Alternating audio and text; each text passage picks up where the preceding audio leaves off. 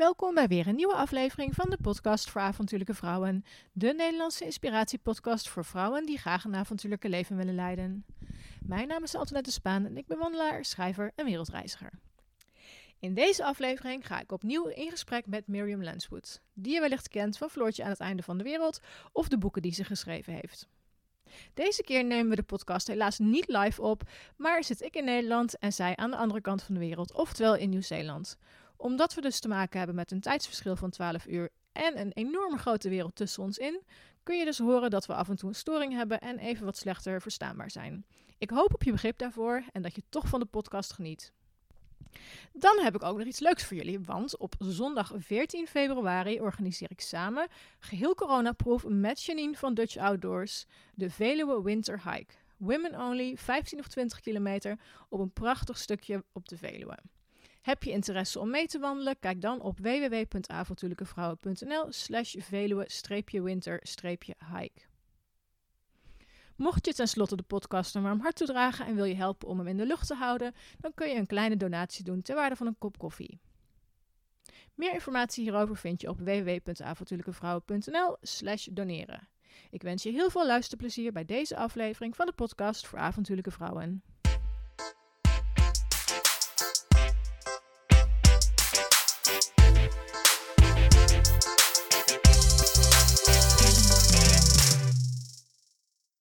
Van harte welkom in de podcast voor avontuurlijke vrouwen, voor de tweede keer zelfs. Ehm, ik vind het onwijs leuk dat we dit nog last minute hebben kunnen regelen.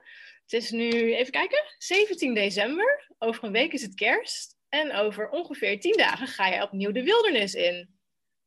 Ja, ja, hartstikke leuk om weer in jouw podcast te zijn. Dankjewel. En um, ja, hartstikke goed dat we dit konden organiseren. Want inderdaad, over een weekje gaan wij terug de berg in. Gaaf, ja. Nou, en ik denk dat de meeste vrouwen de vraag als volgt zouden stellen: hoe is het met je? Ja, heel erg goed. Uh, dus wat is er gebeurd sinds onze laatste eh, podcast? We hebben zeven maanden in een hutje in Abel Tasman National Park gewoond. dat is in het noorden van het Zuidereiland. En um, ja, dat is gewoon één groot enorm bos. En wij zaten één uurtje lopen van de zee. Dus maar vijf kilometer. En uh, we gingen heel vaak naar de zee toe om mossels te plukken van de rotsen. En om te zwemmen, zelfs in de winter. En, uh, want het is best wel warm in de winter in Nieuw-Zeeland aan de zee. Niet in de, in de bergen, maar wel aan de zee. Mm -hmm. En uh, we hebben een fantastische, rustige tijd gehad. Um, vanwege de corona zijn er geen toeristen. En um, ja, het was gewoon heel rustig en mooi. Ja, Nee, het klinkt echt uh, fantastisch. Je ziet er ook hartstikke goed uit, moet ik zeggen. Heel gezond. Um, nou, jouw, jouw, tweede boek is net uit. En dat is eigenlijk de aanleiding dat ik jou, ik denk ongeveer een weekje geleden, een mailtje stuurde van... Hey, hoe gaat het eigenlijk met je? En uh, toen hoorde ik dat je tweede boek uit is. Um, over dat boek hebben we het ook nog gehad toen ik jou vorige keer opzocht. Dat is inmiddels ruim een jaar en een maand geleden. Um, en het boek heet Liefde in de Wildernis. Zou je er wat over kunnen vertellen? Ja, het is echt een vervolg van het eerste boek. Hoewel je, sommige mensen het ook gewoon lezen zonder het eerste boek te hebben gelezen. Um, ja, dus na zeven jaar in de wildernis in Nieuw-Zeeland zijn we naar Europa gegaan. En we hebben 2000 kilometer gelopen door Europa en Bulgarije en Turkije. En daarna zijn we naar Australië gegaan en uiteindelijk Nieuw-Zeeland, om het heel kort te zeggen. Dus het is een beetje een reisboek. Uh, maar Pieter werd ziek in Australië. Dus een heel traumatische ervaring. Dus ik schrijf ook uh, ja, hoe ik dat persoonlijk heb ervaren. Dat uh, trauma voor ons beiden eigenlijk. Ja. ja, ik heb het gelezen. Ik heb het in, nee, in 24 uur heb ik het uitgelezen. Ik kon het gewoon. Wow, ongelooflijk. ik kon het niet wegleggen. Ik had je uitgever gemaild van, goh, zou ik een, uh, een kopie van het e-book mogen ontvangen? Dan kan ik me inlezen. En ik ben gaan lezen en ik ben gaan lezen. En, en ik zat samen met mijn vriend op de bank, want wij zitten nu binnen. We kunnen niet echt ergens naartoe. En uh, hij zei van, joh, moet je niet een keer naar bed gaan? En ik zeg, nee, ik ben aan het lezen, aan het lezen. En de volgende ochtend meteen weer gaan lezen. En echt binnen 24 uur had ik hem uit. Dus vrouwen hebben hem nog niet gelezen, ga hem kopen. Hij is echt super, super, super goed. Ja, goed. En ik vond hem ook, wat jij zegt, heel persoonlijk uh, deze keer. En ja, ja, het verhaal van Pieter dus erin. En ook wat je dan ervaart en hoe je dat ervaren hebt. Maakt echt diepe indruk uh, op mij. Oh, ongelooflijk. Leuk om te horen. En uh, je, je, hebt een record, denk ik. 24 uur. dat is ongelooflijk. Ik ben wel echt een hele snelle lezer hoor. Ik heb, nou ja, sinds de corona, ik heb echt, ik, ik hou ze bij op een, in een app. Ik heb 75 boeken gelezen dit jaar. Puur omdat, ja, wij, wij zitten hier een beetje vrij, ja, vrij geïsoleerd. We kunnen niet zo heel veel, cafés zijn dicht. En in de natuur, ja, je kunt natuurlijk de natuur in, maar ja, de natuur is relatief druk op veel plekken, omdat iedereen de natuur in gaat. Dus ik heb zoveel gelezen, maar dit is echt wel een van mijn favorieten van, uh, van dit jaar. Um, ja, oh, geweldig. Nou, ik weet nog dat jij ermee bezig was toen ik jou vorige keer kwam opzoeken. Want toen ging jij elke ochtend ging jij naar uh, de distillery beneden aan de heuvel. Daar hebben we elkaar vorige keer gezien. Um, ja. En toen ging je elke dag schrijven. Um, hoe vond je dit schrijven van het tweede boek? Hoe, hoe is dat jou vergaan als zijn? Vond je het lastig of ging het goed? Had jij um, bepaalde verwachtingen van zo moet het boek worden? En is het uiteindelijk ook zo geworden? Of kun je daar wat over vertellen? Het was heel gek om een boek um, te gaan schrijven en niet het einde te weten. Mm. Dus toen ik het schreef, toen wist ik nog niet of Pieter beter zal worden of uh, slechter zal worden. Oh, ja, dat was heel gek. Ja. Um, ja, dus ik ben gewoon gaan schrijven in het begin, weet je wel, hoe we door Frankrijk liepen en door uh, Zwitserland. En maar kijken hoe het ging. Um, het eerste boek heb ik geschreven in vijf maanden. En dan begon ik elke ochtend om zeven uur en ik eindigde om negen uur s avonds. Omdat ik dan best wel een strakke deadline had. Ja. Uh, maar dit boek had ik als regel dat ik alleen ging schrijven als ik zin had. Oh, Oké. Okay. En, uh, en ook om tijd te hebben voor Pieter. Ja. Um, dus ik schreef s ochtends vroeg. Ik was altijd al om vijf uur wakker, gek genoeg. En uh, toen ben ik gaan schrijven. En dan rond twaalf uur of zo, dan wat, had ik het wel uh, gezien. En de rest van de dag ehm, ging ik wandelen met Pieter en zwemmen in de zee. En um, ja, gewoon gaan doen. Ja. ja, dat is eigenlijk wel makkelijker. maar het duurde langer. Het duurde een jaar. Dus ik heb er een jaar over gedaan in plaats van vijf maanden. Ja, en hij is dan nu net uitgekomen. Um, heb jij, dit is even, ik ging er namelijk vanuit dat jij in het Nederlands zou schrijven. En ik weet niet waarom, maar ja, wij praten natuurlijk gewoon niet anders dan Nederlands met elkaar.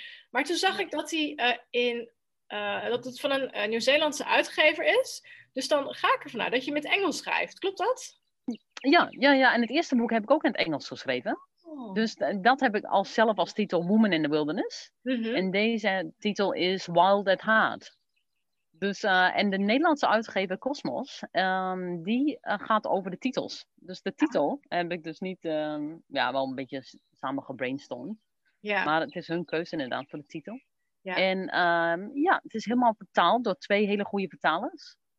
Ernst en Ankie. En ja, zij zijn veel beter in vertalen dan ik. Want ja. vertalen is echt een kunst. Je hebt hem wel ja. zelf de Nederlandse versie ook gelezen inmiddels? Uh, niet deze, nog niet. Nee. Oh, spannend. Ja. Maar wel delen, want de vertalers die zeiden: Oh, dit is een moeilijk stukje. En dat is het voordeel dat ik dus Nederlands ben. Ah. Dat die vertalers zeg maar een paar bladzijden op konden sturen. En ja. zeiden: ben je, ben je het hiermee eens? Oh, ja. Dus uh, toen heb ik gezien hoe goed het was. Ja, ja, ja. ja. Kijk, kijk, kijk. Hey, mag ik vragen: heb jij enig idee hoeveel boeken van jou er verkocht zijn? Heb je daar überhaupt inzicht in? Want hij verschijnt in zoveel talen. Um, volgens mij ben je ook hartstikke populair aan het worden inmiddels. Heb je, heb je enig idee? Of... Um, nee, dat is heel moeilijk te zeggen. Want um, bijvoorbeeld in China communiceren ze niet veel. Ah. En, in, en dan hebben ze bijvoorbeeld in... Oh, het boek nu is nu ook uitgebracht in, in Brazilië, in Portugees. Wauw. Het eerste boek. en die kopen dan zeg maar... de eerste druk is dan bijvoorbeeld 5000. Maar ja. dan betekent nog niet dat die allemaal verkocht zijn. Nee, nee, ja, nee. Daarom is het moeilijk te zeggen.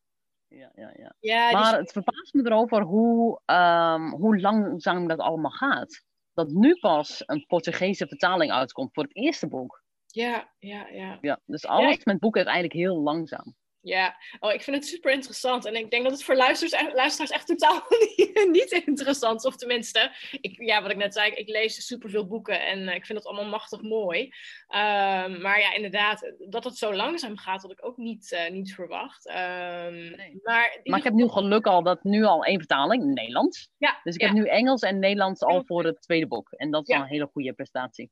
Ja. En allebei kwamen in de top 10 van ehm, best verkochte boeken. Oh, wat, wat fijn, Eh, ja. De top En- 5. Ja. ja. Doe je zelf überhaupt nog wat qua, qua promotie voor, voor je boeksales? Of, of doet de uitgever dat? Of gaat het gewoon vanzelf? Oh, ik doe heel veel interviews. Ja, precies. Ja, ja. Vooral in deze afgelopen weken dat we in de samenleving zijn. eh, en in de wifi. Ehm, ja, en ik was ook twee weken geleden in Wellington voor een Writers Festival.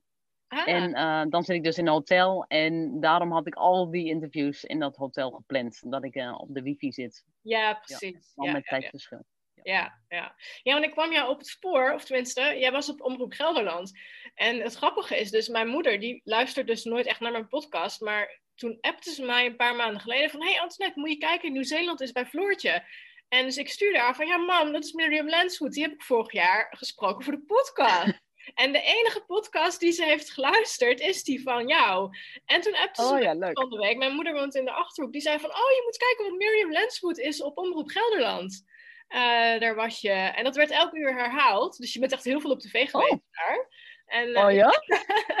en toen dacht ik van, oh, dan ga ik nu Miriam eens eventjes mailen om te kijken hoe het, er met, eh, hoe het ermee gaat. Dus je bent best wel veel op tv geweest hier in mijn, Ja. eh, in mijn regio. Ja, ja, leuk. Ja, de uitgever heeft hele goed, goed werk gedaan wat betreft ehm, eh, ja, pu- publicity en al dat soort dingen. Ja. Ja, nou, super tof. hey, ehm, ik heb ehm, natuurlijk wat vragen ook over je tijd in Europa en eh, over hoe het nu met je gaat. Ehm, ik heb ook wat vragen van, van luisteraars, heb ik eh, ook verzameld. En ze gaan eigenlijk allemaal een beetje over het leven wat, jij, wat je nu leidt. En, maar misschien is het leuk om te beginnen met een vraag van, dan moet ik even haar naam opzoeken. Ik had alle vragen in mijn telefoon gezet. Even kijken. Ehm, ik denk dat heel veel vrouwen hier wel benieuwd naar zijn. Ehm, even kijken, waar staat hij ook alweer? Ehm, Sonja, die vraagt: hoe kijk je aan tegen de pandemie? Oftewel corona. Oh. Misschien kun je iets vertellen. Ja. het houdt ons allemaal bezig. Misschien kun je iets vertellen over de coronasituatie in eh, Nieuw-Zeeland en hoe het jullie plannen eh, beïnvloed heeft. Ja, dus eh, Nieuw-Zeeland is natuurlijk een eiland. Dus het is redelijk gemakkelijk om eh, corona eruit te houden. En dat is precies ook wat eh, Jacinda Ardern heeft gedaan. Uh, dus we hebben de grenzen dichtgegooid en we hebben dus geen corona in Nieuw-Zeeland. En dus is het leven precies zoals het was. We merken er helemaal niks van. En uh, niemand hoeft maskers te dragen of iets. Um, maar als je het land in moet komen, dan moet je in managed isolation. En dat, daar moet je zelf voor betalen, dat is 1800 euro. Voor twee weken in een, uh, zeg maar een hotel. En um, dus dan, sommige mensen hebben daar corona, maar die worden daar behandeld. Dus die komen dan verder het land niet in. Um, dus als wij naar het buitenland willen, dat is geen enkel probleem, omdat wij van zo'n veilig land komen. Maar als we dan terugkomen, moeten we dus die 800 euro ophoesten. Ja. En dat is natuurlijk wel veel. Uh, en voor de meeste mensen is dat, uh, en twee weken is ook te lang, als ze een weekje op vakantie willen en dan twee weken ja. in een hotel. Dat slaat um, nee. Ja, maar ik denk, um, ja, ze, ik denk dat het minder erg is dan dat ze hadden gedacht. Vorig jaar dacht iedereen dat het verschrikkelijk besmettelijk was. En ik denk dat het nu minder is dan ze dachten, of minder erg symptomen. Maar, uh, nogmaals, ik weet eigenlijk heel weinig van. Want ik ken bijna niemand die uh, corona heeft gehad. En um, dus uh, ik ben de laatste persoon om daarover te vragen eigenlijk. Ja, maar goed, je, kort, kort gezegd, jullie krijgen er eigenlijk weinig van mee. En Nieuw-Zeeland is gewoon een heerlijke plek om te zijn op dit moment. Ja, ja, en de mensen hier denken van, oh, het gaat nu heel slecht met de economie. Dus we moeten meer uitgeven. En dan oh, gaan ze ja? meer geld uitgeven aan uh, lokale uh, business. En heel veel mensen zeggen dat ze nog nooit zo'n goede business hebben gehad als dit jaar. Oh, wauw. Ondanks dat er ja. dus geen toeristen zijn. Ja, dus de. Nieuw-Zeelanders geven meer uit. Ja. ja, en de huisprijzen zijn nog meer gestegen. Ja. En er zijn geen nieuwe auto's meer te verkrijgen, omdat iedereen een nieuwe auto aan het kopen is. Echt waar? Oh jeetje, wauw. Ongelooflijk. Ja. Bizarre, um, onverwachte gevolgen. Ja, jeetje, wat goed. Nou, ik ben blij dat het goed gaat bij jullie. Want het is, hier is het, nou ja, wat, wat we in het voorgesprek al zeiden, is het echt een drama met uh, sluitingen en mondkapjes en eh, weet ik veel wat allemaal. Dus hou het lekker buiten daar, zou ik zeggen. En uh, ja. moet allemaal, ik vind het heel jammer, want ik zou in april weer komen. Maar ja, dat, dat gaat waarschijnlijk niet. Ik hoop gewoon dat jullie het allemaal buiten weten te houden. En uh, ja, dat jullie gewoon allemaal veilig blijven. En misschien ik weet niet hoe jij daar tegenaan kijkt, maar misschien is het wel een keer goed dat er een jaartje geen toeristen in Nieuw-Zeeland komen, zodat de natuur ook weer ja. eventjes kan uh, ja, herstellen, om het zo maar te zeggen. Want alle toeristen zullen ook een aanslag op de natuur uh, hebben. Ja, de natuur, maar ook uh, ja, om de wegen en uh, riolering en al dat soort dingen. Ja, want Nieuw-Zeeland heeft 5 miljoen mensen en um, ehm, 2,5 miljoen toeristen elk jaar.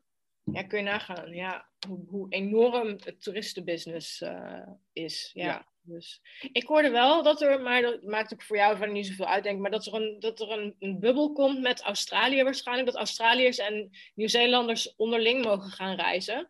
Maar volgens mij is Australië ook niet echt uh, zwaar getroffen. Dus ik zou zeggen, blijf lekker gesloten. En uh, ja. dan komen we wel weer als het, als het allemaal over is. Ja. Um, nou, genoeg over de pandemie, want dat horen we hier dus ook al uh, de hele dag op het nieuws en iedereen heeft het erover. Um, mm. nou, jullie zijn nu dus jullie aan het klaarmaken om opnieuw de wildernis weer in te gaan. Ja. Want wat gaan jullie voor moois doen deze keer?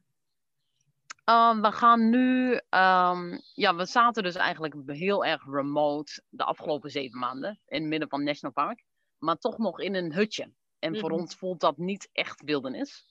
Ehm, in ieder geval, nu is het zomer. Um, uh, december, januari, februari is dus echt de zomermaanden. En um, we gaan nu de Hoogbergen in, omdat het uh, veel warmer is. En we gaan nu, heb ik twaalf emmers klaarstaan met eten, zoals rijst en linzen en bonen. En wat zit er verder nog in? Honing.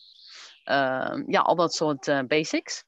En die gaan we op vier verschillende plekken uh, verstoppen. Mm-hmm. Onder stenen en gras en al dat soort dingen. Um, in, een, in één gebied wat uh, op zeg maar loopafstand van elkaar is.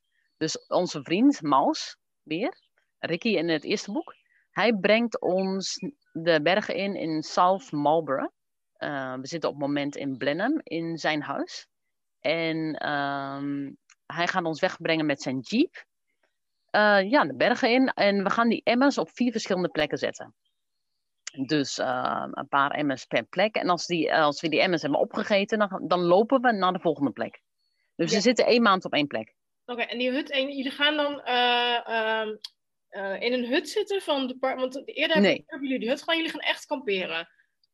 Ja, niet meer in de hutten, niet, zelfs niet in de buurt van een hut. Mm -hmm. maar gewoon in de tent. Ja, want in de buurt van hutten is het soms ietsjes drukker. Ja, ja. Dan zien we meer mensen. Um, en ook omdat we nu iets meer bekend zijn in Nieuw-Zeeland, moeten we ons meer verstoppen. Want in het oh. eerste jaar, tien jaar geleden, dan zagen ze ons. En dan zeggen ze, oh, wat doen jullie? En dan zeggen we, oh, we kamperen hier uh, een paar dagen of een weekje. En dan knikken ze en dan geloven ze ons. Als ze ons nu zien, is er een hoge kans dat zij ons kennen. En dus zeggen, als we nu zeggen, oh, we zijn hier maar een paar dagen, dan zeggen ze ja, ja, ja, ja, ja. Je bent de hele zomer. ja. Gotcha. ja, ja, ja. Dus we moeten iets meer voorzichtig zijn. Uh, niet dat het niet mag. Nee. Maar um, ja, het is gewoon beter om het uh, ietsjes meer uh, under the radar te zijn. Ja. Ook omdat mensen ons anders gaan opzoeken. En oh, ik heb Mirjam en Pieter gezien in die en die vallei. En dan komt de volgende week komt er uh, zijn neefje op bezoek, weet je wel. Oh, jij dat moet je helemaal niet hebben. Of tenminste, dat lijkt mij niet... Nee. Nee, het lijkt me echt totaal ongemakkelijk. Ja, ja, precies. Dus we moeten ons een beetje meer verstoppen. Um, dat is geen enkel probleem. Um, ja, dus um, we zijn nu alles aan inpakken. En uh, het is allemaal heel erg uh, exciting. En uh, we hebben er heel veel zin in. Leuk, ja. hey, en um, hoe bereid je, um, want je zegt ik doe, we doen van die emmers. Um, ja. Gaan jullie ook weer van, van, uh, van wildpluk en uh, wildschieten leven ook? Of is dit echt jullie Ja, zeker. Ja. Dus ja. Dit, dit, wordt dan een... dus ik heb uh, 100, 100 kogels. Mm -hmm. Ik neem 100 kogels mee en mijn geweer, mijn 223 geweer. Dus daar kan ik ook grotere beesten mee schieten, zoals een hert of een chamois of een taar. En ehm, ja, dus we leven vooral van het, ehm, van het vlees en de eetbare planten en bessen die we vinden. Maar dan hebben we ook altijd nog meel en rijst en bonen als, ehm, als extra. Ja, en een vraag die mij te binnen schoot. Ik las het, uh, je nieuwe boek en daar ben je ook, daar, of in je nieuwe boek spreek je ook uh, over het, de Female Expedition met Tamar. Die ook in de podcast is geweest een paar maanden geleden. En um, op een gegeven moment zei je, zij had een, een, een voorraadje bij zich, een soort van extra voorraad voor noodgevallen als jullie het echt honger zouden krijgen. En als ik me niet vergis, hebben jullie dat toch nooit aan, aangebroken. Um, hoe bepaal je, en dat zal misschien voor de komende periode ook weer zo zijn, hoe bepaal je van nu is het tijd om aan die voorraad te komen? Heb je daar een ja, inderdaad. Heb je daar een regel voor? Of is dat, hoe, hoe schat je dat in? Van ja, nu hebben we echt zoveel honger dat we aan die voorraad moeten gaan beginnen. Of nee, laten we toch nog maar even wachten. Daar ben ik heel benieuwd naar.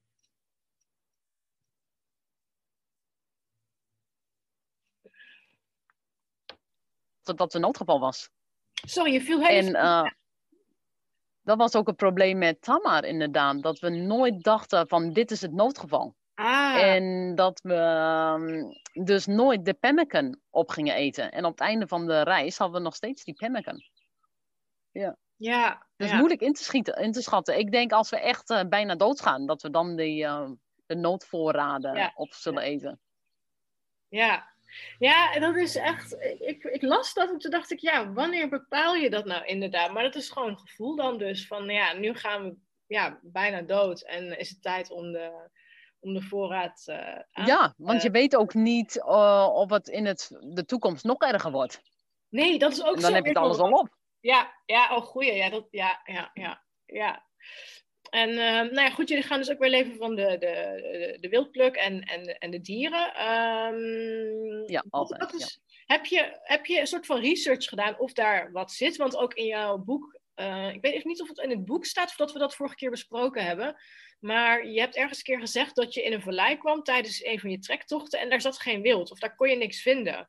Um, heb je voor deze keer onderzoek gedaan naar van daar zou wat moeten zitten? Of heb je de, juist de angst van het zou nog wel weer een keer kunnen gebeuren? Of was het vrij uitzonderlijk dat je gewoon echt geen wild tegenkwam? Ja, we, we hebben dit gebied uitgekozen omdat we daar al eerder zijn geweest. We zijn daar doorheen gelopen op de Tiararoa Trail. Mm -hmm. En um, dus we weten wat daar zit. En dat is heel belangrijk, want je hebt dus niet overal evenveel dieren.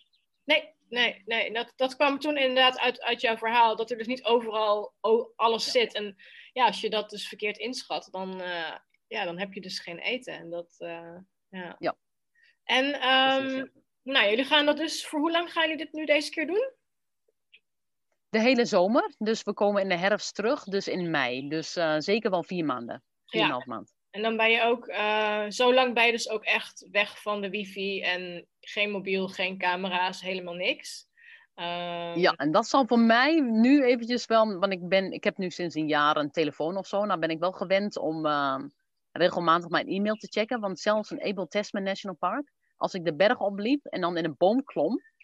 en dan soms wel een uur moest wachten, dan kon ik mijn e-mails uh, binnenkrijgen. Ah. Uh, maar dat deed ik altijd zo, ja, drie keer per week of zo.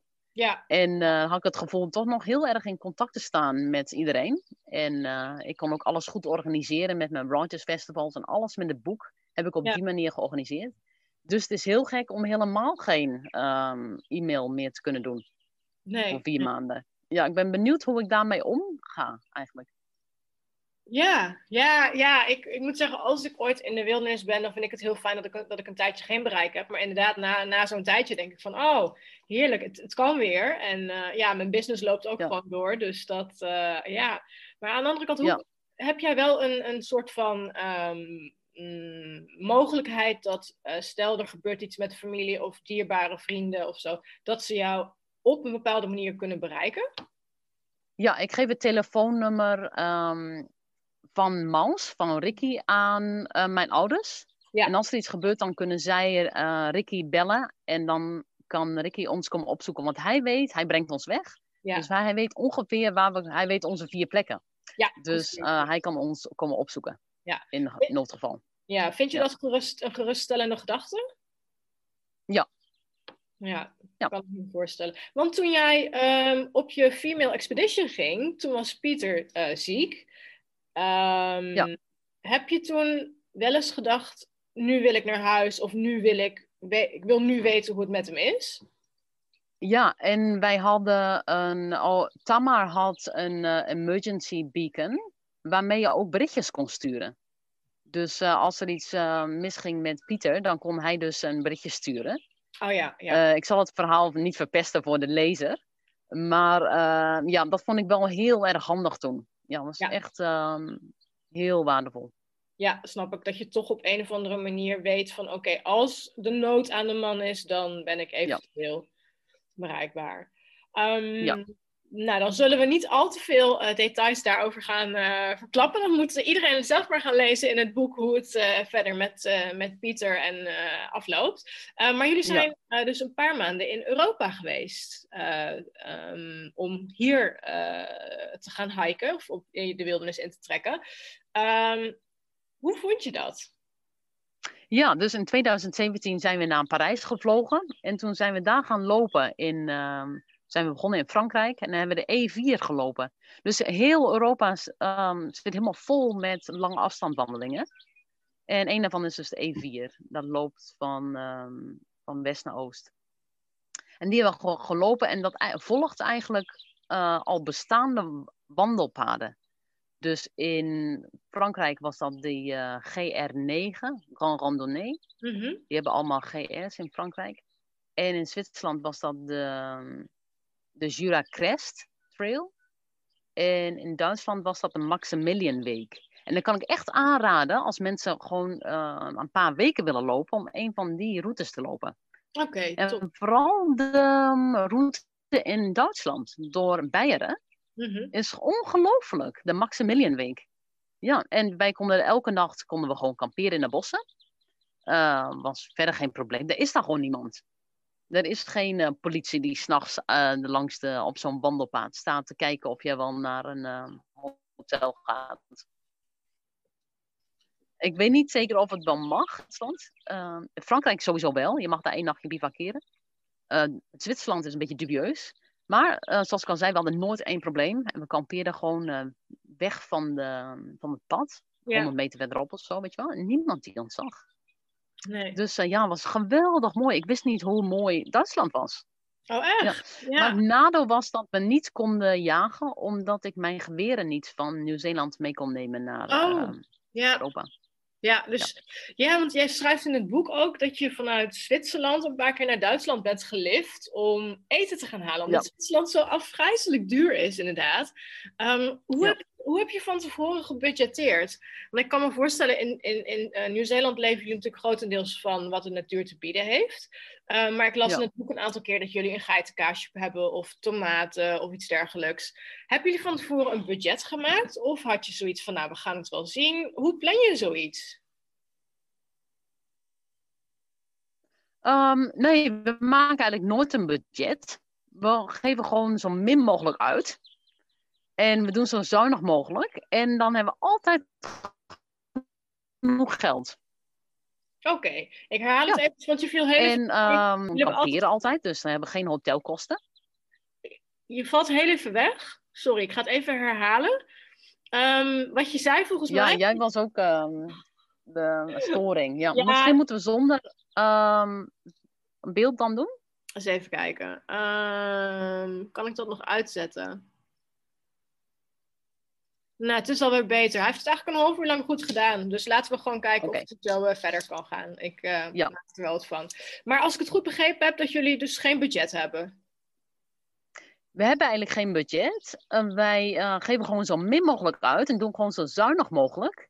Zoals niet naar hotels gaan, gewoon altijd kamperen. En het gekke is dat we nog altijd genoeg geld hebben en ons spaargeld. Uh, we maken eigenlijk ons nooit druk over uh, dat we te weinig geld hebben. We lijken gewoon altijd genoeg te hebben. Fijn. Dus uh, ja, we doen nooit aan budgetteren. Nee, dus gewoon sim zo simpel mogelijk en um, dan, gewoon, dan komt het eigenlijk altijd wel goed. Ja, ja, inderdaad. We kopen nooit iets wat we niet echt nodig hebben. Nee. En we hebben genoeg geld voor wat we wel nodig hebben. Precies. En omdat we alles moeten dragen, ehm, zorgen we dat we het heel erg beperkt houden. Ja. Dat we heel erg, ehm, ja, we moeten echt drie keer nadenken voordat we iets kopen, want we moeten het allemaal dragen. Precies, ja, alles moet die berg, niet de berg af maakt misschien niet uit, maar de berg op wel. Ja, precies ja. Ja, dus we moeten het licht houden. Ehm, ja, ik kijk altijd heel goed uit. Oh, als ik iets koop, bijvoorbeeld een nieuw t-shirtje in de tweedehands winkel, dan zorg ik dat ik een oud t-shirtje naar de winkel breng. Oh, Zodat ik altijd, eh, dat is mijn regel, zodat ik dus niet eh, meer verzamel. nee, dus dat je gewoon altijd iets omruilt, eh, als het ware. Ja. Dat je rugzak niet, eh, niet zwaarder wordt. Wat een goed idee, ja. hey, en ehm, nou ja, uiteindelijk hebben jullie dus door drie of vier landen gelopen. Frankrijk, Zwitserland, Duitsland en Oostenrijk. En toen zijn jullie... ehm, hoe lang heb je over dat stuk gedaan ongeveer? Dat was drie maanden, dat was duizend kilometer. En toen was het ineens heel slecht weer in Oostenrijk. Ja. Ehm, toen was het echt allemaal regen in begin september. Oh, En ja. toen dacht ik, gadverdamme. En dat heb ik ook gevoel van in Nederland, weet je wel. Als je weer naar school moet in september, dat het dan weer zo slecht weer is. Ja. Ehm, en toen dachten we, hé, hey, waarom nemen we niet gewoon de trein? Nee, eigenlijk kreeg ik toen een e-mail. Ik kreeg een e-mail van Suzanne in Bulgarije, een Nederlandse vrouw. Heel leuk. Ehm, en zij vertelde dat zij met man en kinderen in een yurt woont in Bulgarije. En toen zei ze, als je ooit in Bulgarije komt, moet je echt hierheen komen. Want er stikt het hier van ehm, de fruitbomen en de nootbomen, notenbomen. En ehm, ja, het is gewoon heel rustig. En dat klonk zo mooi dat we zeiden, ja, we komen eraan. Dus daarom zijn we naar Bulgarije gekomen. Ja, ja, heel tof. Ja, en ehm, ja, daar blijven jullie dus een tijdje en dan gaan jullie nog naar Turkije. Hebben jullie ook nog een stuk gelopen, als ik me niet vergis? Ja, dus dan hebben we nog 500 kilometer gewoon een beetje kriskras door, ehm, door het zuiden van Bulgarije, door de bergen, door de Rodopi bergen gelopen. Eh dat was, we volgden toen geen route, die konden we toen niet vinden, maar dat maakte niet uit. We liepen gewoon van dorp naar dorp. En dat was echt heel mooi en heel avontuurlijk. En daar waren wolven en beren, Ja, eh, over waar ik dus beren. totaal niet aan gewend ben. Ja. Ik, je hebt wat verhalen geschreven over de beren. Eh, ik kon niet uit het boek halen, heb je nou uiteindelijk ooit een beer gezien? Nee, nee, we hebben nooit een beer gezien. Nee, gelukkig niet, nee. Nee, alleen maar eh, sporen, beren, voetprinten, Ja, ja, ja. voetafdrukken. Ja. Nou, gelukkig maar. Ja, inderdaad. Maar ze waren er echt. We zagen voetafdrukken in de sneeuw en in de modder. Ja. Ja. Ja. Ja, dat is wel beangstigend. Tenminste, ja, dat, eh, dat is wel andere koeknut. Want in Nieuw-Zeeland zit helemaal geen eh, groot wild wat dat betreft, toch? Nee, dus daar ben ik helemaal niet aan gewend. En ik was, moet zeggen, ik was doodsbang. S'nachts. Voor die beren. Ja, En dan overdag helemaal niet meer, gek genoeg. Want overdag was het dan heel eh, vol zelfvertrouwen. En dan s'nachts dan begon het weer. Ja, ik was dan bij elk geluidje dacht ik, oh mijn god, daar komt een beer. Ja, ik heb het ook gehad in Amerika en in Alaska dat ik in mijn tent lag en dat ik echt dacht, oh, en dan één kraakje in de, in de bush. En dan bleek het Ja. gewoon een eekhoorn te zijn. Maar, oh Ja. ja, ja. dat is heel herkenbaar. Dat ik echt dacht, oh, laat het geen beer zijn, laat het geen beer zijn.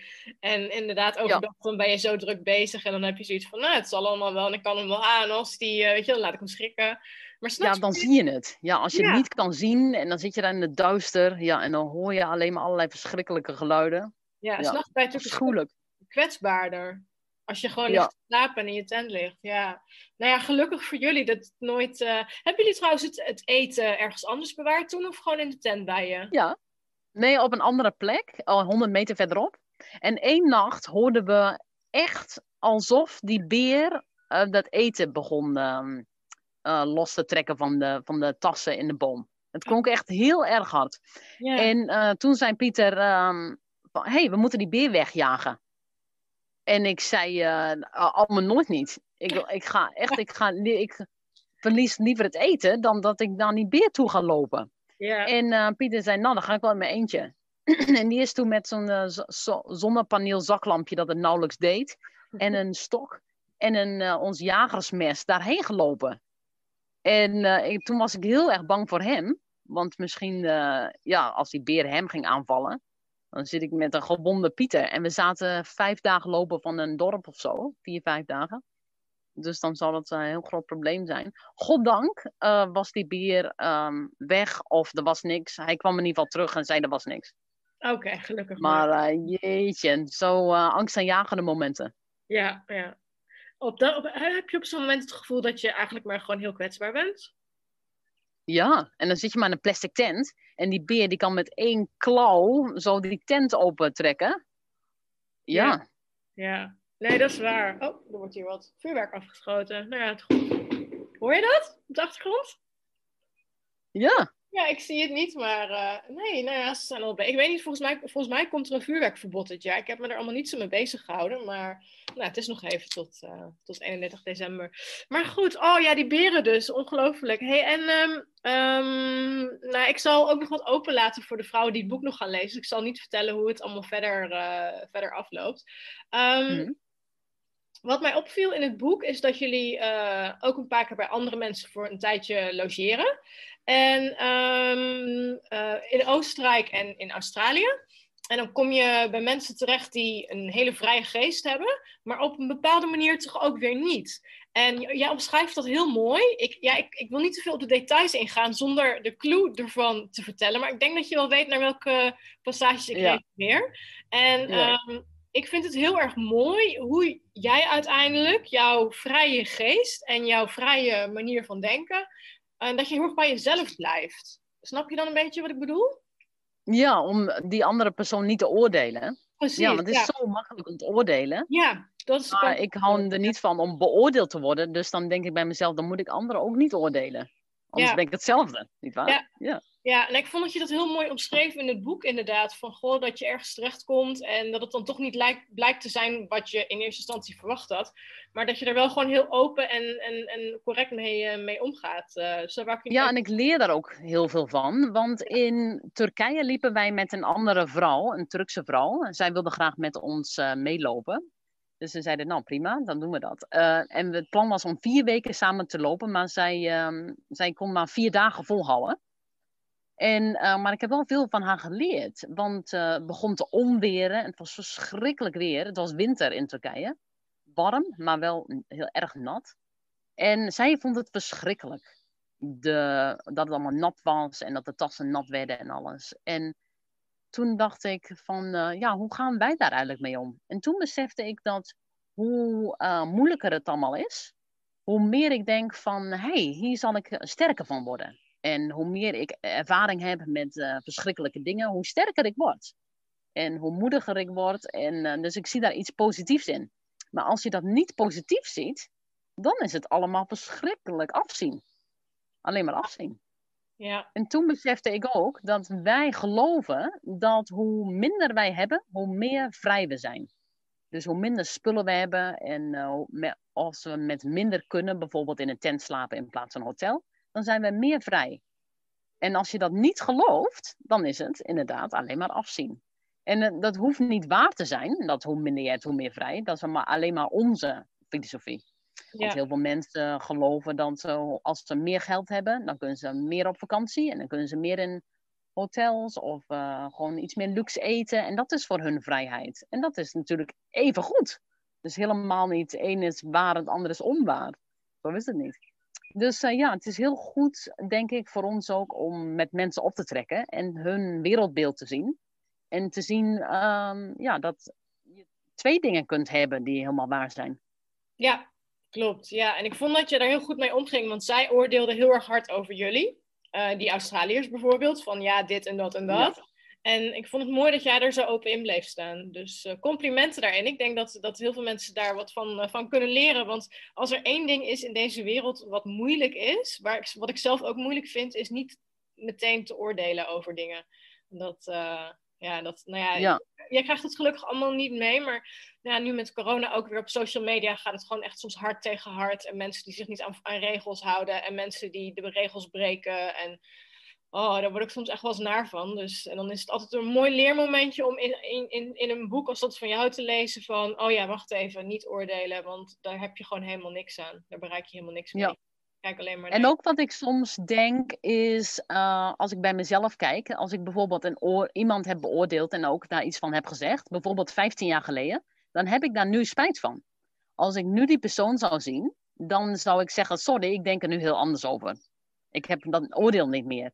En soms als mensen uh, mij commentaar geven, dan denk ik: Oh, misschien heeft die persoon er ook nu spijt van. Ja. ja. En, en dan denkt die persoon er nu alweer anders over. Ja, nee, iedereen maakt zijn eigen proces daarin mee, hè?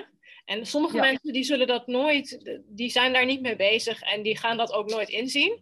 Ehm, maar ja, ik merk het aan mezelf ook wel eens dat ik denk van, oh, hoe kon ik dat een paar jaar geleden doen of denken? Dat vind ik best wel erg. Dat ik, dat ik zo dacht, wat, moet ik, wat moet ik een vreselijk iemand geweest zijn? Uh, maar ja, dat, dat, is op dat moment in het proces waar je in zit natuurlijk. En dat ga je later dan pas, uh, later pas, uh, pas zien. hey, hoe, hoe besluit jij op dit moment nog van tenminste, je, je krijgt een paar keer een e-mail en op basis daarvan besluit je van, nou, we gaan met die mensen afspreken of op pad of, ehm, of we gaan daar op bezoek. Um, zou je dat nu nog steeds doen? Want is dit is natuurlijk allemaal een paar jaar geleden heeft het zich afgespeeld. Ben je wat voorzichtiger geworden um, de afgelopen jaren? Of, en hoe weet je dat zoiets klikt ook van tevoren? Ja, het is altijd een risico. Dus we hebben heel veel uitnodigingen gekregen van vreemden. Die zeggen kom bij ons uh, langs of uh, eten of blijven of logeren of wonen. En um, dan gaan wij altijd op in. Niet altijd, maar uh, wel vrij regelmatig. En dat is dus verschrikkelijk tegengevallen in sommige um, situaties. En nog steeds willen wij dat risico nemen. Ja. Ja, dus de Ik voordelen... blijf het risico willen nemen. Ja, ja geef het ja. voordeel van de twijfel. Precies, want ik neem, je hebt er vast ook hele mooie dingen uitgehaald. Ja. Nou, fijn. Ja, ja. fantastische dingen. Dus, um, want ik geloof dat, uh, ja, weer diezelfde instelling, dat al die dingen mij sterker maken. En hoe meer ervaringen, eh, positieve en negatieve, hoe meer ik uh, leer. En, uh, want als ik mezelf ga beschermen tegen het negatieve, dan word ik meer en meer geïsoleerd. En dat is eigenlijk ook een beetje in, op grote schaal met deze corona. Om het is ook, je kunt ook denken van doe alle um, grenzen open en um, iedereen komt in contact met iedereen. En dan worden we uiteindelijk sterker. Maar goed, dat is misschien een beetje anders uh, met een pandemie, omdat dan heel veel mensen gewoon doodgaan. Maar ja, in het, over het algemeen in het leven, dan verwelkom ik alle positieve en negatieve ervaringen. En ik denk dat daarom ons leven interessant is. Ja, wat goed. Ja. Nee, het leven is natuurlijk ook geen sprookje. Nee. Dus je kunt wel proberen om zoveel mogelijk ne negatieve emoties en gebeurtenissen uit te sluiten. Maar dat is, niet, dat is niet realistisch en niet haalbaar, denk ik. Nee, inderdaad. Dus als iets negatiefs gebeurt, dan denk ik, ah, hoe ga ik hiermee om? Ja. Word ik hier boos? Of... Dus dan heb ik een. Uh, dan bekijk ik mijzelf een beetje van een afstandje. En dan wordt het heel interessant. Ja, als je even uitzoomt van, goh, wat is hier nou eigenlijk aan ja. de hand? Ik, ja, ja. Ik, je hebt, beschrijft ook in het boek dat jij en Pieter een keertje ruzie hebben. En dan is het natuurlijk super interessant ook om te kijken van... hé, hey, wat gebeurt er nou eigenlijk? En uh, ja. uh, ga even van een afstandje staan kijken. En dan... Uh, ja, je omschrijft dat op een gegeven moment ook heel goed. Van, ik weet hem even niet meer hoe het precies zat... maar dat, jij, dat jullie een keer ruzie hebben... En dat je dan ook ja. eigenlijk zegt van... ja, ik ben... Um, wat zeg je nou ook alweer? Ik ben het ligt aan mij. Of, en dat je dat eigenlijk meteen vrij snel inziet. Dat je toch denkt van, oh, wacht even, maar het ligt hem niet aan Pieter, het ligt gewoon aan mezelf. Ja, ja, inderdaad. Ja, wie heeft het probleem? Ja. In een, ruzie. Als, je, als jij je irriteert aan iemand anders, wie heeft dan een probleem? Ja. Jij. Ja, jij ja, wie is het slachtoffer? Jij. Ja, als je je irriteert, is een heel vervelend gevoel. Ja, je bent je eigen slachtoffer. Ja, maar ja, je, je bent als enige gevoel, verantwoordelijk voor je eigen gevoel en je eigen geluk natuurlijk. Ja. Ja. Nou, dat, inderdaad. Ja, dat, ik heb toevallig laatst een uh, podcast-interview gehad met Barbara van Bergen. Zij is uh, Nederlands Paralympisch sporter. En uh, oh. die kan heeft er ook heel mooi over gezegd van ja, we zitten allemaal in dezelfde situatie en je kunt er twee dingen mee doen. Je kunt ervan balen dat de situatie zo is en dat, dat mag ook. Maar ja, je kunt ook gewoon je hele dag op je bed gaan liggen en dan word je gewoon geen leuke persoon van. Dus je kunt er ook gewoon, gewoon kijken van ja, hoe kan ik er nou het beste van maken? En uh, ja, dat ja. zijn hele wijze woorden waarvan het heel goed is om af en toe weer even aan herinnerd te worden. Van, oh ja, wacht even, zo werkt het. Dus, um, ja. ja. Ja. inderdaad. En ook als je je daar doorheen slaat, dan heb je zo'n trots gevoel over jezelf dat je het hebt gedaan. Ja. En ik denk dat dat heel veel zelfvertrouwen geeft. Als wij bijvoorbeeld door, um, door stormen, stormen moeten zitten. In Europa zaten we heel veel in uh, donder en bliksem. Mhm. Heel eng. Uh, maar we voelen ons zo trots als we dan zo'n duizend kilometer hebben gelopen. Ja, En ik denk dat dat heel goed is voor mensen. Ja, een soort innerlijke kracht, innerlijk vuur. ja, nee, dat is helemaal waar. Ehm, en ja, ieder zijn eigen, eh, zijn eigen journey, moet ik dat zeggen, zijn eigen reis hierin. Maar het, is, Ja. het kan je leven wel een stukje lichter maken als je op die manier kunt denken, volgens mij. Ja, dus het is echt een instelling. Ja. Hey, ik ga eventjes de vragen van de luisteraars nog erbij pakken. Want ik had nog een paar leuke vragen beant- of, eh, verzameld. Even kijken hoor. Mm.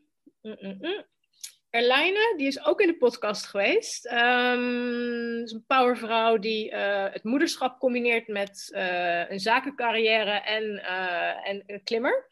Wauw. Ehm, ik ben ook bezig in haar nieuwe boek. Ik heb hem net gekregen. Ik ben wel benieuwd hoe ze terugkijkt op hun tocht in de Alpen. Zeker nu ze terug is in Nieuw-Zeeland. Ehm, misschien beschrijft ze het in het boek, maar ik ben nog niet zo heel ver. Voelde ze zich erg beperkt door alle regels hier en het gebrek aan echte wildernis? Oh ja, ehm, dus ze heeft het over de Zwitserse Alpen dan. Ja, ehm, het is inderdaad niet echt wildernis, want ik vind wildernis waar je dus geen ehm, teken ziet van mensen. Ja, En, ehm, maar het is ook wel heel erg mooi. Er zijn van die veldjes, heel veel bloemen, heel Ja. veel ehm, eh, vogels en zo, en eekhoorntjes. En de combinatie met de dorpjes en de bossen vonden wij heel erg mooi. En dat zie je niet veel in Nieuw-Zeeland. Dus in Nieuw-Zeeland is het of wildernis, dan heb je bij wijze van spreken een hek. En dan heb je eh, alle ehm, boerenvelden en een, een lelijk ehm, dorp. ja, ja. Maar niet zo die... Want die de dorpen zijn niet zo mooi hier. En in Frankrijk waren de dorpjes zo schattig en zo leuk. Dat vonden we echt heel leuk. Dus in Europa zie je veel meer een, een, een samenwerking met de natuur. Ja, Dat je ehm, een veldje, een bos en een dorpje. En dat zit allemaal heel harmonisch bij elkaar. En dat Ja, heb je niet zo in Nieuw-Zeeland. nee, ja. klopt. Nee, wat jij zegt over de dorpen in Nieuw-Zeeland, die zijn ook echt niet mooi. Die zijn volgens mij gewoon meer praktisch. Ja, heel lelijk. Je hoeft echt niet voor eh, de dor- leuke dorpjes naar Nieuw-Zeeland te komen. Nee, nee, Nee. dus Europa heeft ook wel zo zijn charme op die, eh, als, je, op, als je het van die kant bekijkt. Ja, en heel erg handig, want wij hoefden nooit eh, twee weken eten mee te slepen. Nee, Dus we nee. kochten in Europa weer eh, ja, gewoon meel en rijst en al dat soort dingen. Om eh, te eten. En dan kochten we gewoon in een supermarktje, in zo'n klein dorpje. En dan hadden we een kopje koffie en dan gingen we verder. ja, ja, Hartstikke handig. toch een andere manier van, eh, van trekken eigenlijk dan, Ja. dan in Nieuw-Zeeland. Ja. Ja. Lonneke, Lonneke vraagt, ehm, ik heb het nieuwe boek nog niet, dus ik ben benieuwd waar het tweede boek over gaat. Nou, daar hebben we het even kort over gehad. En of ze tips heeft voor ons, alle die niet in de wildernis wonen, hoe we meer kunnen verbinden met de natuur en de seizoenen. Oh ja, ik zal, ik zie als ik zelf bijvoorbeeld in Wellington ben, ehm, dan ga ik gewoon naar het park. En dan merk ik al hoe ehm, goed het is om zelfs maar één uurtje in, de, in het park te lopen. En prachtige bomen daar, grote bomen altijd. Dus ik zou aanraden om gewoon naar het dichtstbijzijnse bosje te lopen. En dan elke dag, al is het maar tien minuutjes, om eh, daar rond te lopen. En dan merk je vanzelf de seizoenen en dan merk je vanzelf het weer. En ehm, ja, Eh, ik denk dat dat eh, het beste is als mensen gewoon in de stad willen wonen. Ja, en wat doe jij dan als je naar zo'n stadspark gaat? Ga je dan rondlopen? Ga je bomen knuffelen? Ga je zitten? Heb je een bepaalde routine of iets wat je, waarvan je denkt dat is echt het ultieme moment waarop ik mij verbonden voel? Eh, ik doe niet echt bomen knuffelen. ik denk dan wel een beetje eh, gek te staan naar andere mensen. Want dat doen ze, mensen doen dat absoluut niet hier. Eh, maar wat ik wel doe, is aan elke bloem ruik ik. En ehm er is altijd een rozentuin. En dan ruik ik dus elke ehm, bloem en, en eh, ja, alle bloemen. Ehm, en dat doen we, het is nu ook ehm, lente en zomer hier dus. En we gaan dan, Pieter en ik gaan dan wandelen. En dan noemen we dat scenting. Scent- Gewoon ruiken. Ja. En dan ja, gaan we, dan proberen we dus alle verschillende dingen te ruiken. En ik denk dat die aromatherapie ook heel ehm, goed is voor de mens. Ja, ja, En ja, dus dat, uh, dat doe ik altijd in een, in een park. Ja. En jullie hebben in Nieuw-Zeeland ook van die prachtige botanische tuinen daar. In, in Wellington, dat is echt met die Rose Garden en die, die, die, die Fern Garden. Ja, ik was er vorig jaar, ik vond het helemaal geweldig. Dus, um, maar hier in Nederland heb je natuurlijk ook wel in de stadsparken bloemen. En, ja. Uh, ja, zeker wel. Ja, ja, ja, En, of misschien watertjes of zo. Of, uh, ja. ja. Nou, goede tip. Leuk. Um, Bertha vraagt, komt er een derde boek? Oeh, dan moeten we eerst een avontuur hebben. dus um, ja, misschien over drie jaar of zo. Ligt er helemaal aan wat er gebeurt. Ja. Uh, en waar we heen gaan. Uh, we gaan dus nu vijf ma vier, vier en een halve maand uh, de wildernis weer in. tot de herfst. En daarna hopen we weer terug te komen naar Europa. Um, het ligt een beetje aan Pieters gezondheid. Maar um, ja, dat hopen we. We zullen wel zien hoe dat gaat met corona, want hij wil zeker geen corona krijgen. Uh, maar we zien wel. We moeten eerst een avontuur hebben, en dan heb ik wel meer om te, uh, te schrijven. Ja, nou volgens mij kan jij van elk, alles wat je beleeft een mooi verhaal maken. Dus uh, dat moet vast wel, vast wel goed komen. Um, dan wil ik nog een paar vragen van Instagram. en iemand die heeft als username, ik heb de, naam, de echte naam niet opgezocht, wij gaan fietsen. Um, kan Miriam een boek aanraden om meer te leren over hoe het is om te overleven in de wildernis? Dus heb jij zelf daar een boek over gelezen of heb je daar een tip voor?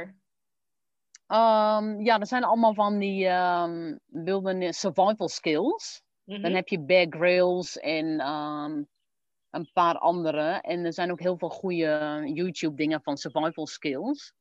Maar survival skills zijn gemaakt om te overleven. Met als doel om zo snel mogelijk weer terug in de maatschappij te zijn. Mm. Het is zo kort mogelijk. Het is van, oké, je zit om een of andere rare reden, zit jij in de wildernis en je gaat bijna dood en hoe overleef je? Daarom is het survival skills.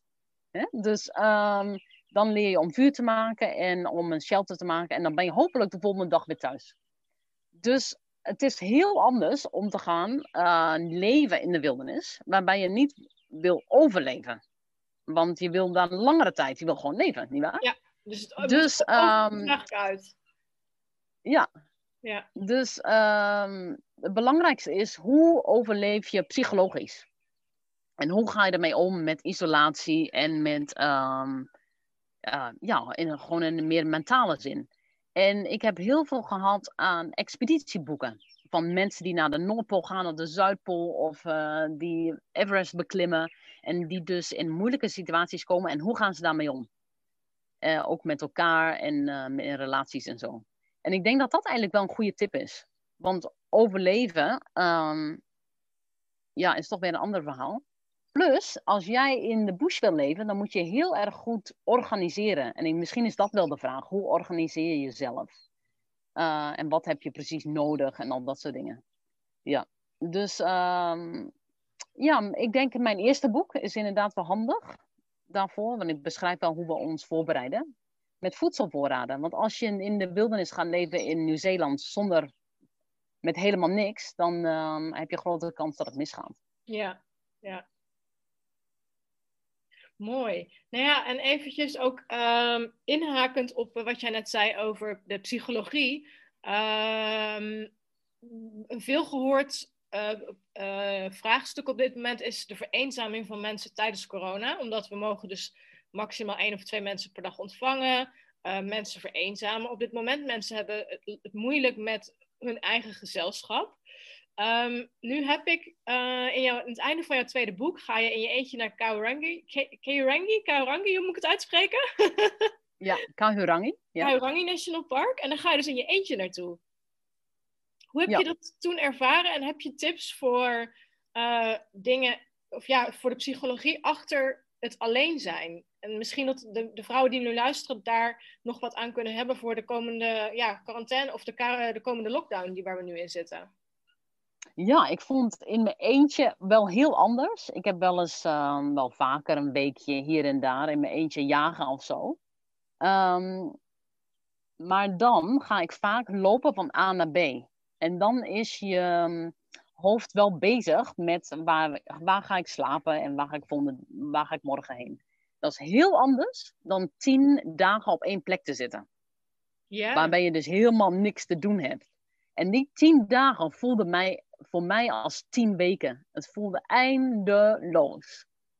Maar zoveel inzichten kwamen in die tien dagen. En het was echt een moment van reflectie. En eh, heel veel ehm, dingen die toen ineens heel duidelijk waren. Bijvoorbeeld dat Pieter en ik echt terug moeten de bergen in. En dus vorig jaar, die, ehm, toen ik in Kahurang in National Park was, ehm, heb ik toen bedacht dat wij nu weer terug de bergen in moeten. En dat gaan we dus nu volgende week doen. Dus grappige link daar. Ja. Ja. En wat heb je zo, wat, wat doe je dan op zo'n, sorry, mijn stem laat me even in de steek, maar wat, wat doe je op zo'n zo'n dag als je dan in je eentje in de wildernis zit? Heb je dan een schema? Of doe je gewoon wat er in je opkomt? Ehm, kun je daar iets kort over vertellen? Lijkt me super interessant om daar iets meer over te horen. Ja, eh, nee, geen schema. Dat was het hele doel om juist eh, helemaal niks te plannen. Dus ik liep naar een hele afgelegen vallei. En ehm, van het pad af. En dan moest ik zelf uh, door de rivier waden. Soms best wel gevaarlijk. Um, want het was een hele ruige rivier. En dan ben ik de rivier opgeklommen. Totdat ik een uh, vlak stukje vond. En heb ik daar, de tent opgezet. En uh, toen ben ik daar gaan jagen. En ik had helemaal geen eten meegenomen. En ik wilde kijken of ik tien dagen zou, kon, zou kunnen overleven. Gewoon van wat ik vond. Van jagen en verzamelen. En uh, dat was wel heel erg um, bijzonder om te doen, want normaal gesproken besteed je veel tijd aan, um, aan koken en eten. Ja. En um, ja, het was heel bijzonder om dat in mijn eentje te doen. en het was zo stil. Het was ongelooflijk. Ja. Om Ja. Zonder, ja, zonder een partner of een vriend om tegenaan te kletsen. Maar wel, ik heb wel veel over mezelf geleerd. En ik denk dat het heel waardevol is. Ja, mooi, mooi. Ja. Ik heb besloten dat ik in 2022 de Tia Aurora wil gaan, wil gaan lopen in mijn eentje. Dus, Ja. maar wel, wel, wel op andere wijze. Dus niet specifiek de hele trail binnen vier maanden. Want ja, ik word een beetje moe van iedereen die roept van ik moet binnen vier maanden de trail bereikt hebben en ik moet het afgelopen hebben en ik moet zoveel kilometer per dag. Dus ik wilde wat meer de tijd voor nemen dat ik ook wat zijpaden kan, kan gaan nemen. En ik vind het heel Ja. spannend in mijn eentje, maar aan de andere kant kijk ik er ook enorm naar uit om mezelf zo tegen te komen en dan dus gewoon geen optie te hebben om het, het gezelschap van iemand anders op te zoeken. Dat lijkt me een hele mooie Ja, inderdaad. Ervaring. En eh, ja, we gaan het wel zien. Maar eh, nou ja, 2022, ik moet even wachten nog. Even even doorsparen en eh, wachten tot Nieuw-Zeeland weer open gaat. Maar ehm, mooi. Ja. Ehm, De Trail is nu best wel bekend en populair. En je zult zeker wel mensen ontmoeten onderweg. Dus Ja. als je niet alleen wilt zijn, eh, heb je altijd wel gezelschap. En dat is ook wel het leuke. En je ontmoet leuke andere mensen met dezelfde interesses. En ehm, ja, leuke vriendschappen ontwikkelen misschien. ja, en ik weet ook niet of ik hem specifiek helemaal van meter tot meter, als ik ergens anders een mooier paadje vind, dan wil ik dat gewoon de vrijheid voelen om dat ook gewoon te kunnen doen eigenlijk. Dus niet per definitie zeggen, ik moet elke kilometer gelopen hebben, maar meer van, nou ja, als ik een mooi zijpad zie of een mooie andere vallei, dat ik denk, nou, ik wil daar wel een stuk gaan, eh, gaan hiken in plaats van eh, precies het gebaande pad te gaan volgen. Maar goed, we gaan het allemaal Ja, zien. Ik heb nog twee jaar om me voor te bereiden, dus eh, het... Ja. Hey, ehm, wij gaan fietsen had ook nog een andere vraag. Ehm, een hele praktische vraag. Gebruiken jullie biologisch afbreekbare zeep, tandpasta en wc-papier? En zo ja, welke? Ehm, ik heb al zeker 15 jaar geen wc-papier meer gekocht. Sinds dat ik in India was, gebruiken wij alleen maar water. En, dat, en ik weet niet hoeveel bomen ik heb eh, gered op deze manier. Maar het is in ieder geval heel praktisch, want je hoeft geen wc-papier mee te nemen. Nee. En water vind ik veel schoner. Uh, voor de rest heb ik zeep voor ehm, mijn haar. Ja, een soort van biologische zeep inderdaad. Voor mijn haar, dat dient ook als sham- shampoo. Mhm. En eh, gewoon een zeep om mee te wassen inderdaad. En dan heb ik Sunlight zeep voor mijn kleren. Oké, ja. Om mijn kleren mee te wassen. Dus ja, één klerenwaszeep en één ehm shampoozeep. Dat ook voor lichaam is. En geen wc-papier. En wat vroeg ze verder nog? Tandpasta? Eh tandpasta inderdaad, ja. Ik heb gewoon een normale Sensodyne tandpasta, want ik heb niet zoveel ehm, glazuur. En dus Ah. eh, zei de tandarts dat ik eh Sensodyne moest gebruiken. Ja, ja, ja. ja. Ja. En hoe, hoeveel tubes, hoeveel neem je mee op voor, voor vier maanden? Eén grote tube, denk ik. Eh, ik hoop dat dat genoeg is. Ja, En voor de rest eh, gebruiken we ook as en houtskool van het vuur. Oh. En daarmee kun je ook je tanden schoonmaken. En dan gewoon daarna gewoon tanden poetsen. ja, ja. Ja. En natuurlijk de hele dag, eh, niet de hele dag, maar vaak eh, maken wij onze tanden schoon met eh, stukjes, met gewoon een grasje. Ja. En dan tussen de tanden, weet je wel, als een flos. Een ja. Ja, en voor de rest hebben we geen suiker. Dus ehm, ja, onze tanden ehm, hebben niet zoveel te lijden. Nee, nou, hartstikke mooi. Nou, en dan de laatste vraag. Josien vraagt, ehm, ik ben heel benieuwd naar hun tijd in de wildernis tijdens de lockdown en vooral hoe je dan weer terugkeert. Ehm, ik denk dat ze specifiek ook bedoelt van, goh, ehm, je bent dus in de wildernis, maar tijdens de lockdown waren jullie in Awaroa, toch? Ja. En hoe, eh, hoe je dan weer terugkeert, hoe heb je dat zo nu ervaren? De laatste paar weken, dat jullie nu weer in de bewoonde wereld zitten. Ja, alles is hier gewoon normaal, hè. We hebben Ja. niet, eh, geen lockdown hier. Ehm, en ja, alles is weer gewoon. Gedurende de lockdown hebben we niet zoveel gemerkt, behalve dat er minder ehm, vliegtuigen waren. Oh ja, ja, ja. Dat alleen maar. En ja, het is nu heel leuk om weer in de bewoonde wereld te zijn. Maar ook heel onrustig. Met, eh, als ik in de wifi ben, dan voel ik me veel meer onrustig. Omdat ik elk moment vrienden kan bellen. Of eh, als ik dan heel vroeg wakker word, dan denk ik, oh, het is nu middag in, eh, of avond in Nederland. En dan kan ik even mijn ouders eh, of vrienden bellen, weet je wel. Ja, ja, Um, en dan word ik heel onrustig van en dan slaap ik te weinig van eigenlijk. Ja. Maar ehm, ja, dat geeft niet, want volgende week kunnen we weer zat slapen in de bush. ja, precies. Hoe lang slapen jullie op dagen dat jullie in de bush zitten? Ongeveer? Ehm, in de winter is dat echt wel meer dan 12 uur. En in de zomer is het maar 8 uur. Want we slapen met de, de nachturen. Ja, Ja, met de, met dus de eh, zon, als de eh, zon ondergaat. Mooi. Ja. Leuk, ja. Nou, dat waren de vragen van de luisteraars. Ehm, zijn er zelf nog dingen waarvan je denkt, oh, dat hebben we het niet over gehad, of dat wil ik nog vertellen over mijn boek, of iets anders cools wat je hebt meegemaakt? Ehm, ja, ik denk, mensen vragen vaak wat kan ik doen om eh, mijn gezondheid te verbeteren. En ik denk slaap is echt super, super belangrijk. Dat merk ik zelf, dat als ik te weinig slaap, dan is mijn energie minder. En dan sta ik 's ochtends op en dan eet ik, wil ik meer suiker eten omdat ik weinig energie heb. En het gekke is, en dit heb ik pas onlangs eh, ontdekt, dat ik dan minder de schoonheid van de natuur zie als ik moe ben. Ja, En ik voel me ook minder, eh, sowieso minder gelukkig. En, ehm, ja, en als ik meer uitgeslapen ben, dan voel ik mij meer gelukkig en ook meer vrij. ah, Terwijl vrijheid zal niks te maken moeten hebben met hoeveel slaap je hebt gehad. Maar nee, ja, dat is dus allemaal gelinkt. aan elkaar, ja. Ja, maar het is moeilijk voor mensen te zeggen: Oh ja, eh, ik moet meer slapen. Nee, je moet een persoon worden die elke nacht heel precies om negen uur al naar bed gaat. Meer zo van gedisciplineerd. Je moet een gedisciplineerd persoon worden als het gaat om slapen. Dus al om eh, negen uur al, eh, half negen zeg maar, eh, tanden gaan poetsen en om negen uur in bed gaan liggen. Ja, Ja. en dat is dus het moeilijke om een nieuw, om een ander persoon te worden. En het is hetzelfde met ehm, dieet, als mensen anders willen eten. Je moet echt een ander persoon worden. Een Ja. persoon die geen kaas eet en geen suiker en geen eh, koekjes. Ja, en dat is het moeilijke, denk ik. ja, ja. Heb je, nu je zo in de, uit, de, uit de wildernis bent, heb je dan nog wel eens de neiging om toch iets van een zoetigheidje of iets lekkers te eten? Of ben je dan ook helemaal van, nou, dat suiker of dat interesseert me echt allemaal helemaal niet meer? Ehm, nee, omdat ik het helemaal ontwend ben. Dus ik, eh, ik heb die, eh, die craving niet. Maar gisteren we waren bij vrienden op bezoek en zij had tiramisu gemaakt als toetje. En was eh, al vier schaaltjes stonden klaar, weet je wel. Dus ik kon niet nee zeggen. en toen, het was heerlijk. Het was heerlijk, tiramisu.